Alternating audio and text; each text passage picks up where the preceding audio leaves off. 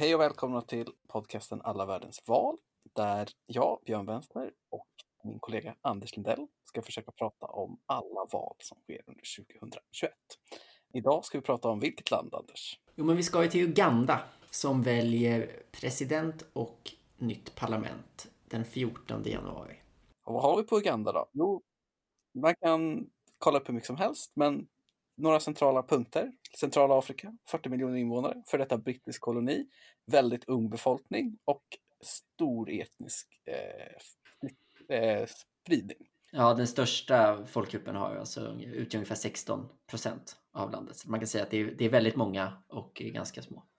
Ja, precis. Och eh, det där med etnicitet kommer vi kanske återkomma till lite senare. Men för att börja en berättelse om ett val som sker 2021 så i Uganda måste man gå långt bak, så man kan gå väldigt långt bak. Men vi har på något sätt valt att börja 1980. Mm. Kan du eh, ta varför? Ja, men om man, och vart vi är då 1980? 1980 har Uganda varit självständigt i ungefär 20 år och man har precis avslutat eh, den här väldigt speciella och för de allra flesta väldigt hemska perioden med eh, Idi Amin som diktator, en av världens absolut kändaste diktatorer. Han har störtats då i en militär revolt, man ska säga, med stöd från Tanzania. Och det, man håller då ett, ett nytt val för att eh, ja, välja en ny ledning för landet helt enkelt. Och en av de liksom, mer framstående frihetskämparna vid den här perioden som hoppas på att eh, nå någon typ av framgång i valet, det är då den ganska unge Joveri Museveni. Och det är ett namn som vi minst sagt kommer återvända en del till i det här avsnittet. Eh, han kandiderar i, i det här parlamentsvalet, det första man då har på eh, sen friheten från Storbritannien.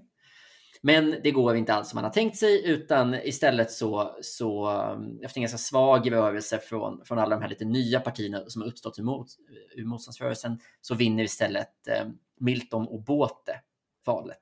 Och eh, Obote hade varit president innan och var den som störtades av Idi Amin. Så det blir liksom tillbaka till, till det gamla. Och eh, efter att de, de nya partierna, eller de nya rörelserna kan man säga, har spenderat en del av valrörelsen för att förbereda sig på utfallet och helt enkelt förbereda folket på att det, det, kan bli ett utfall som de inte vill ha och då kommer vi ta till vapen. Och det, det är precis det de gör och då startar det som eh, vad ska vi kalla det, buskkriget? Jag tror att det är buskkriget man säger, att det är någon ja. slags officiella... Eh... Just det, Bush War har vi sett på engelska, men vi, vi kallar det busskriget från och med nu. Det är alltså då det, det, eh, ja, det inbördeskrig som bryter ut i Uganda från 80 och ett gäng år, år framåt, helt enkelt. Ja, det pågår fram till liksom typ 80, slutet på 80-talet kan man säga. Ja, Eh, och det finns ju mycket, jag skulle säga att eh, det här är verkligen ett tips. Om man vill, om man vill gräva ner sig i något av kalla krigets alla proxykrig så är det här verkligen ett man skulle vilja, skulle vilja titta närmare på. Men det, det är ju inte det som är syftet med den här podden. Men det är väldigt spännande att liksom se alla de här olika grupperna som har eh, stått på, på olika sidor och vilka liksom, av de stora länderna. För det, här, det var ju väldigt populärt på 80-talet att lägga sig i afrikanska inbördeskrig och maktkamper och så för de som hade ett intresse av kalla kriget helt enkelt om man ska nämna en lite spännande sak så, så studsade jag ju till på att Nordkorea, Nordkorea var en stridande part i det ugandiska busskriget. Och inte, inte så lite heller, utan man, man, det var liksom nordkoreaner på marken som var inne och stöttade då Obotes sida, alltså den, den ugandiska regimen vid det här tillfället. Så man kan säga att Nordkorea var på den förlorande sidan? Ja, det får man säga, men inte bara. De var på båda sidorna, eh, kom, kom de med att bli. Därför att när kriget väl var över om vi ska, om vi ska spola fram till det, alltså kriget tar ju slut eh, till slut. Eh, Museveni får inte, eh, han får inte störta båten själv, utan det gör en av hans egna generaler. Men när det väl har hänt så är det mer en liten, en liten puckel och till slut så störtar då det som heter då National Resistance Army, störtar, alltså NRA, de störtar den nya regimen som har suttit i månad bara eh, och, och tar över. Och då byter de istället namn till eh, National Resistance Movement.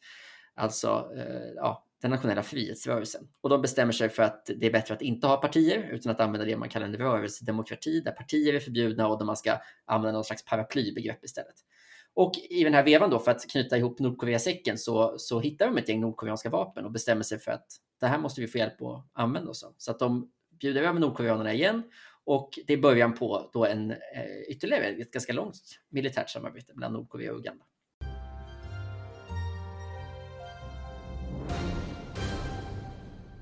Ja, men kriget tar slut. Museveni, han tar sig på något sätt till makten, eller hur? Det är så mm. man ska förstå det.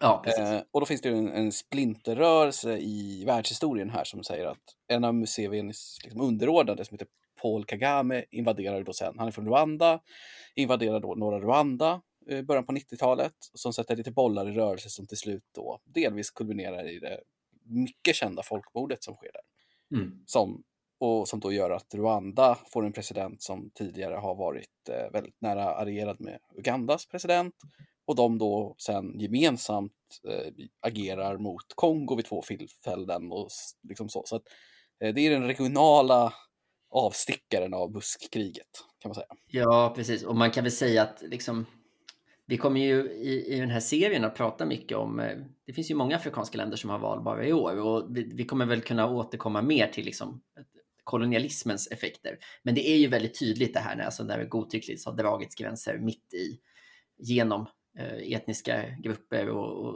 och, så. Att det har inneburit en väldigt, väldigt speciella situationer för de här unga demokratierna att hantera. Um, och vi, behöver inte, vi kommer inte gå in på varje konflikt som har varit under Ugandas uh, liksom 60-åriga frihet, men det har ju varit med, med nästan alla deras grannländer har de ju haft någon typ av konflikt med. Ja, verkligen. Det, det, det är rörigt, det kan man säga. Eh, men Museveni tar i alla fall makten och han har den än idag. Ja. Eh, han är en av huvudkandidaterna. Vi kommer gå in på de andra sen, men vi tänkte att för den som inte har följt de tidigare presidentvalen i Uganda så ska vi dra en riktigt snabb recap. Eh, de har sitt första riktiga presidentval 96 och då vinner han med 75 procent av rösterna. Och då säger internationella observatörer att det troligtvis var ett relativt rättvist valresultat och så. Så han köper på som president. 2001 så utmanas han av mannen som blir den liksom stora motståndaren till honom under lång tid. Eh, en man som heter Kissa Besidje, tror jag. Det slaktar väl det uttalet. Eh, de krigade ihop i buskkriget, eh, men sen så tog vänskapen slut någon gång. Han har varit ex-minister och så. Och då utmanar han sen Musevi i alla kommande val fram till nu, där han inte är med längre. Men eh, valet 2001 ansågs vara en aning eh, kontroversiellt. Det slutar i Högsta domstolen där två av fem domare tycker att det ska ogiltigförklaras, men de andra tre tycker att de oredligheter som ändå har försiggåtts eh, inte är tillräckliga. Då drar också den här oppositionsledaren eh, i exil för första vändan. Eh, men han kommer tillbaks och så blir det en rematch 2006. Då åker han i fängelse, kommer ut efter internationella påtryckningar men eh, Museveni vinner igen, den här gången 57 procent bara. Återigen hamnar valet i Högsta domstolen, där han vinner med 4-3. Sen så kör de igen 2011, men då vinner han med 70 procent istället. Och då börjar ju internationella bedömare tröttna lite och dömer ut valet som icke korrekt och det blir ingen vända i Högsta domstolen. Och ungefär samma sak händer 2016. Så det är liksom, eh, det är historien. Så att han, eh, han har en, eh, man, man kan säga att det internationella tålamodet verkar ha eh, minskat lite för Museveni. Varför är han, hur, hur kan han få så höga siffror, Björn? Har du någon förklaring till det? Jo, men eh, det finns det en del för. Alltså, man kan säga så här att hans politiska legacy är ju lite intressant. Eh, han ansågs ju hantera hiv-aids-situationen ganska väl under 90 och 00-talet. Fick lite internationell goodwill som jag har förstått det.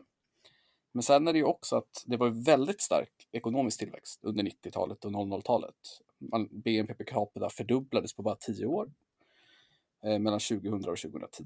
Och eh, mellan 92 och 2013 så halverades andelen som levde i fattigdom. Men sen, så att, liksom att, att Uganda har blivit ett bättre land att leva i under hans styre är nog svårt att argumentera emot. Så, på så sätt. Men sen 2010 så har tillväxten minskat och den har stagnerat och i år kommer den nog troligtvis bara vara runt 1 procent, vilket ju är väldigt, väldigt lågt för att vara Uganda. Och vart står vi nu då i, i termer av, du pratade ju lite om det här med eh, domstolen, hur, val, hur fria valen och så har varit. Vad, vad har vi för status på Uganda? Ja, men det verkar ju vara, det är ju knappast så att det har blivit bättre och bättre. Utan det, känslan är ju att de första valen kanske var på 90-talet då var de mest demokratiska. Och det blir ju intressant att se hur det blir nu. För när vi kommer in på utmanarna och så sen så, så har ju de också suttit i fängelse såklart under den senaste tiden. Och, och, och vi, vi, pratade lite om det när vi gjorde research för det här att det verkar ju vara en lite av en, en ganska vanlig karriärsväg i afrikansk politik att man någon gång har varit i kontakt med en fängelse sen. Och man kan väl säga, och, ja, och vi, vi tänkte väl återkommande lite titta på eh, Freedom House eh, index för, för de länder vi pratar om för att ha någon slags liksom, försök till ett objektivt mått. Eh, och där kan man, kan man väl säga att, att man bedömer ju inte att Uganda är eh, helt och hållet en, en välfungerande demokrati, utan att det finns en hel del utmaningar. Ja, de bedömer dem ju inte som demokratiska rent så här om man, de skulle dikotomt klassificera.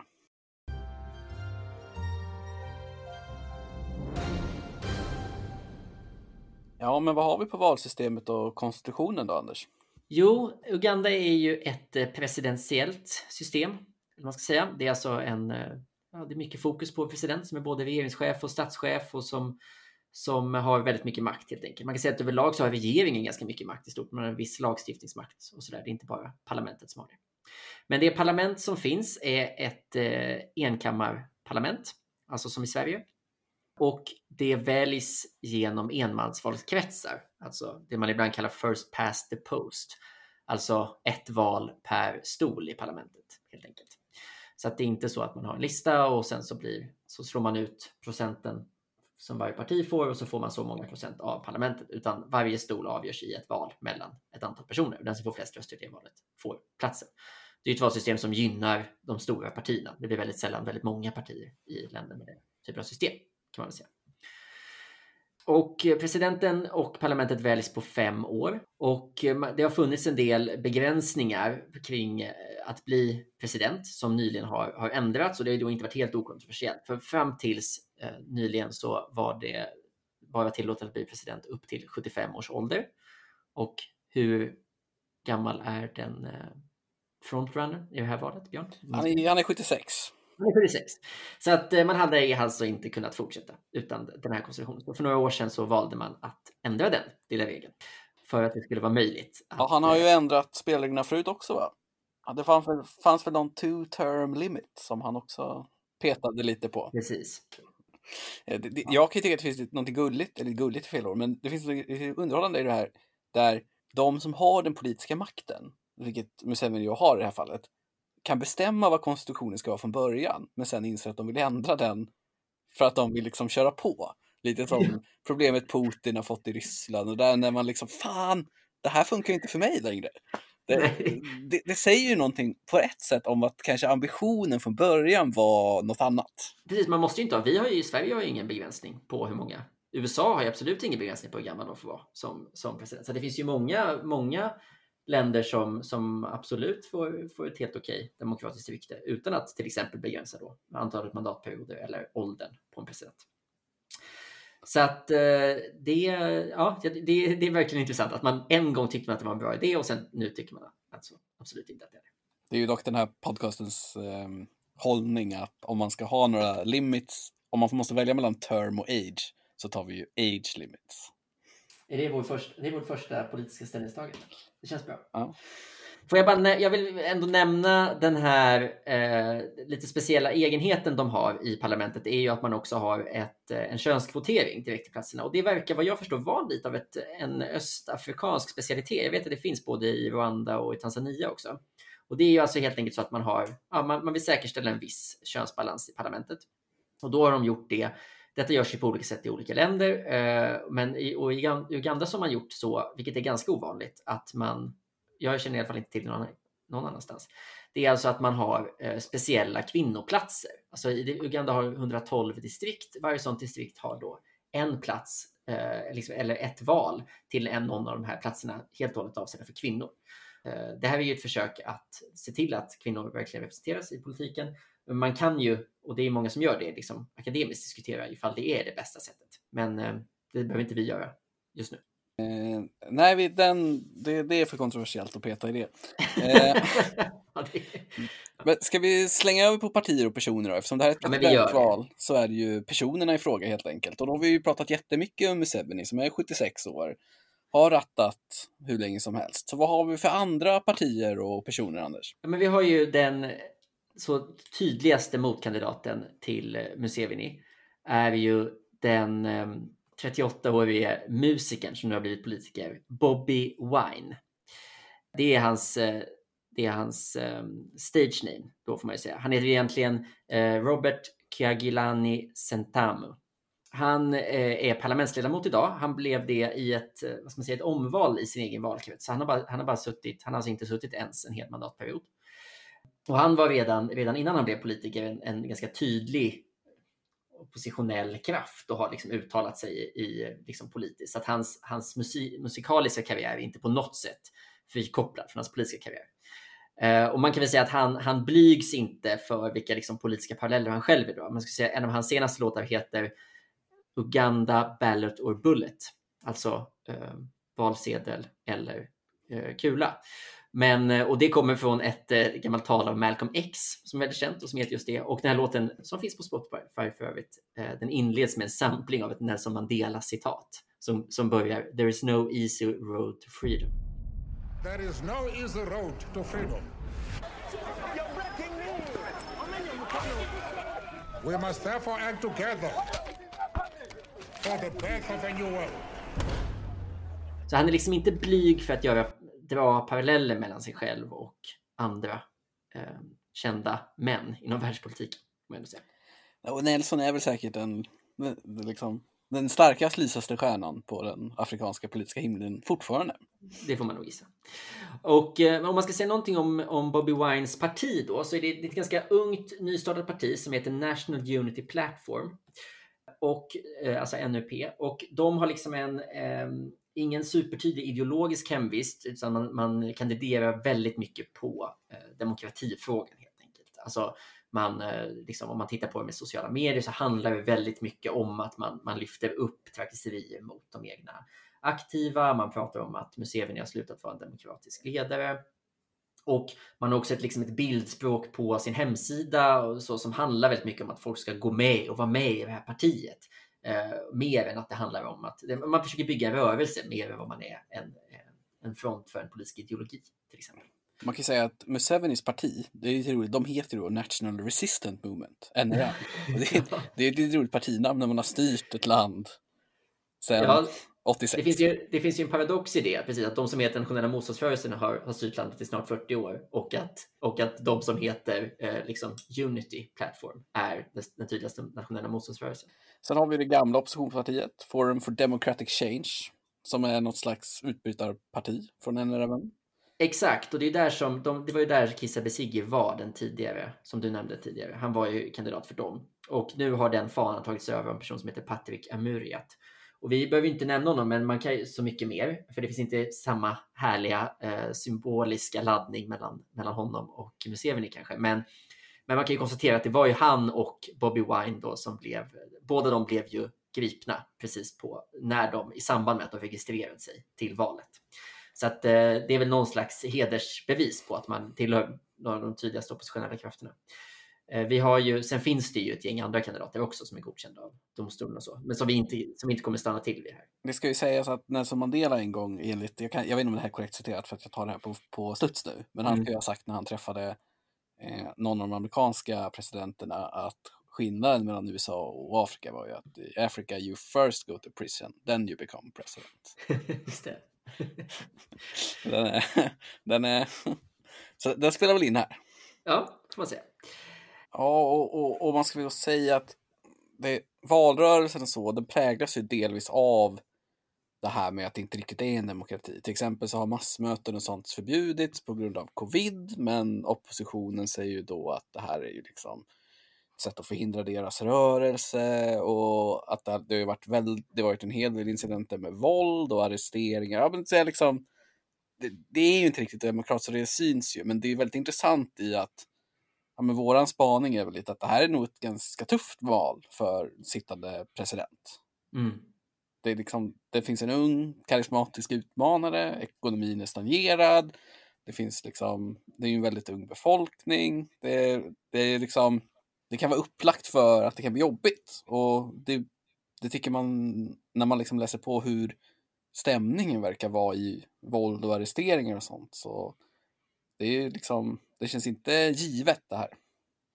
Nej, verkligen inte. Och, och det man kan säga är att även om, även om det finns eh, mycket att anmärka på från, eh, i, i Ugandas demokrati så finns det ju till exempel, det är ju fullt möjligt att, med att följa vad som händer. Det finns ju liksom medier som rapporterar självständigt och det finns många på sociala medier som, som kampanjer. Så att även om Eh, det finns ju någon typ av ögon på det som händer när till exempel oppositionella blir arresterade och sånt där. Och, och, det finns tidningar som skriver om det så att, så att du och jag kan läsa på och så där.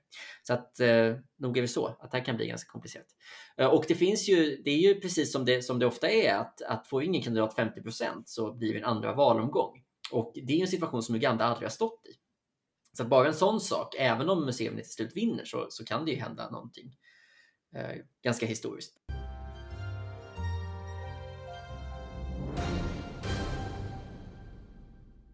Vi kanske ska avsluta med genom att, eller avrunda med genom att säga lite om eh, vad man kan hålla utkik efter i det här valet. Vad som skulle kunna vara, vara något intressant eh, om det händer helt enkelt. Ja, jag vill ju avsluta med det jag glömde dra alldeles nyss. Som är Ja. jag läste ju en artikel på BBC som handlar liksom vinkeln om på något sätt att ja, men det var mycket fake news i valet för att det är det ju alla nu. Och då hade de så här två exempel och ett var från Bobbys kampanj. Då. Han hade två exempel. Han hade ett exempel när det var en bild som ut, är en video där det utgavs var att det var Joe Biden som liksom uttalade sig emot Museveni, som vilket såklart inte var. Det var en helt annan vit politiker i USA. Och sen var det en tweet där Obama ska ha endorsat honom. Så det var hans liksom fake news. Och för att kontra på det här så la liksom det här gamla gardet ut en, ett, liksom, ett kontra där de bara, ja men han har inte svarat på frågorna i den här radiointervjun ungefär. Liksom, det var så här, Bobby liksom gick nuclear och spelade Obama-kortet och de, de, de hade inget att kontra med. Man har lite olika kompetenser i fake news-kriget. Ja, men lite så. Jag tyckte det var lite gullig skärmartikel på något sätt. Liksom. Ja, verkligen. Nej, men och, och det här är ju någonting som om man läser en del, ehm, en del utomstående betraktare så är, ju, är just den här åldersskillnaden liksom, det stora hoppet för, för eh, NUP och Bobby Wine. Alltså hur många, hur många nås av budskapen på internet och hur många nås bara av tv-apparaterna? För det är en liksom, så nyhets, nyhetsförmedlingen spelar väldigt stor roll här i det här valet. Men det är också så att även eftersom medelåldern är under 20 så har ju en klar majoritet av befolkningen aldrig haft någon annan president än den sittande. Det är lite Nej, verkligen. intressant. Och vi får väl se, det blir ju också intressant att se om det blir en omformering eh, av oppositionen i Uganda. Alltså om det här, den här nya, lite mer rörelsebaserade eh, partiet, vad de egentligen får, man egentligen får för effekt. Alltså lyckas man vinna några nya valkretsar överhuvudtaget? Då tar man i så fall från det stora statsbärande eh, partiet eller tar man från den övriga oppositionen helt enkelt. Det är också en ganska intressant sak att, att titta på, för det spelar ju stor roll för vad som kommer hända framöver. Den tråkiga spaningen här är ju att det känns som att det blir nog ganska våldsamt det här på något sätt. Mm. För om det verkligen skulle vara så att han, sittande presidenten, förlorar eller tappar mycket, då kommer han vilja lämna makten frivilligt då. Och så där. Alltså det, ja, det, det kan bli stökigt där.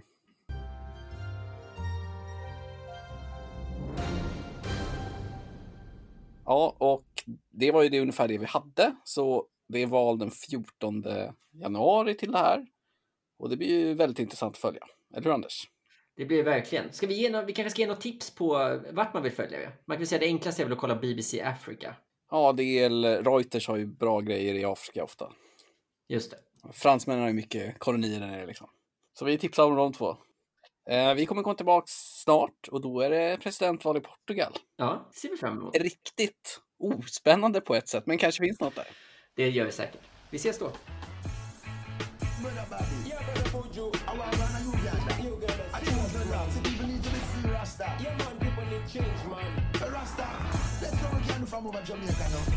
Cause if it takes a revolution,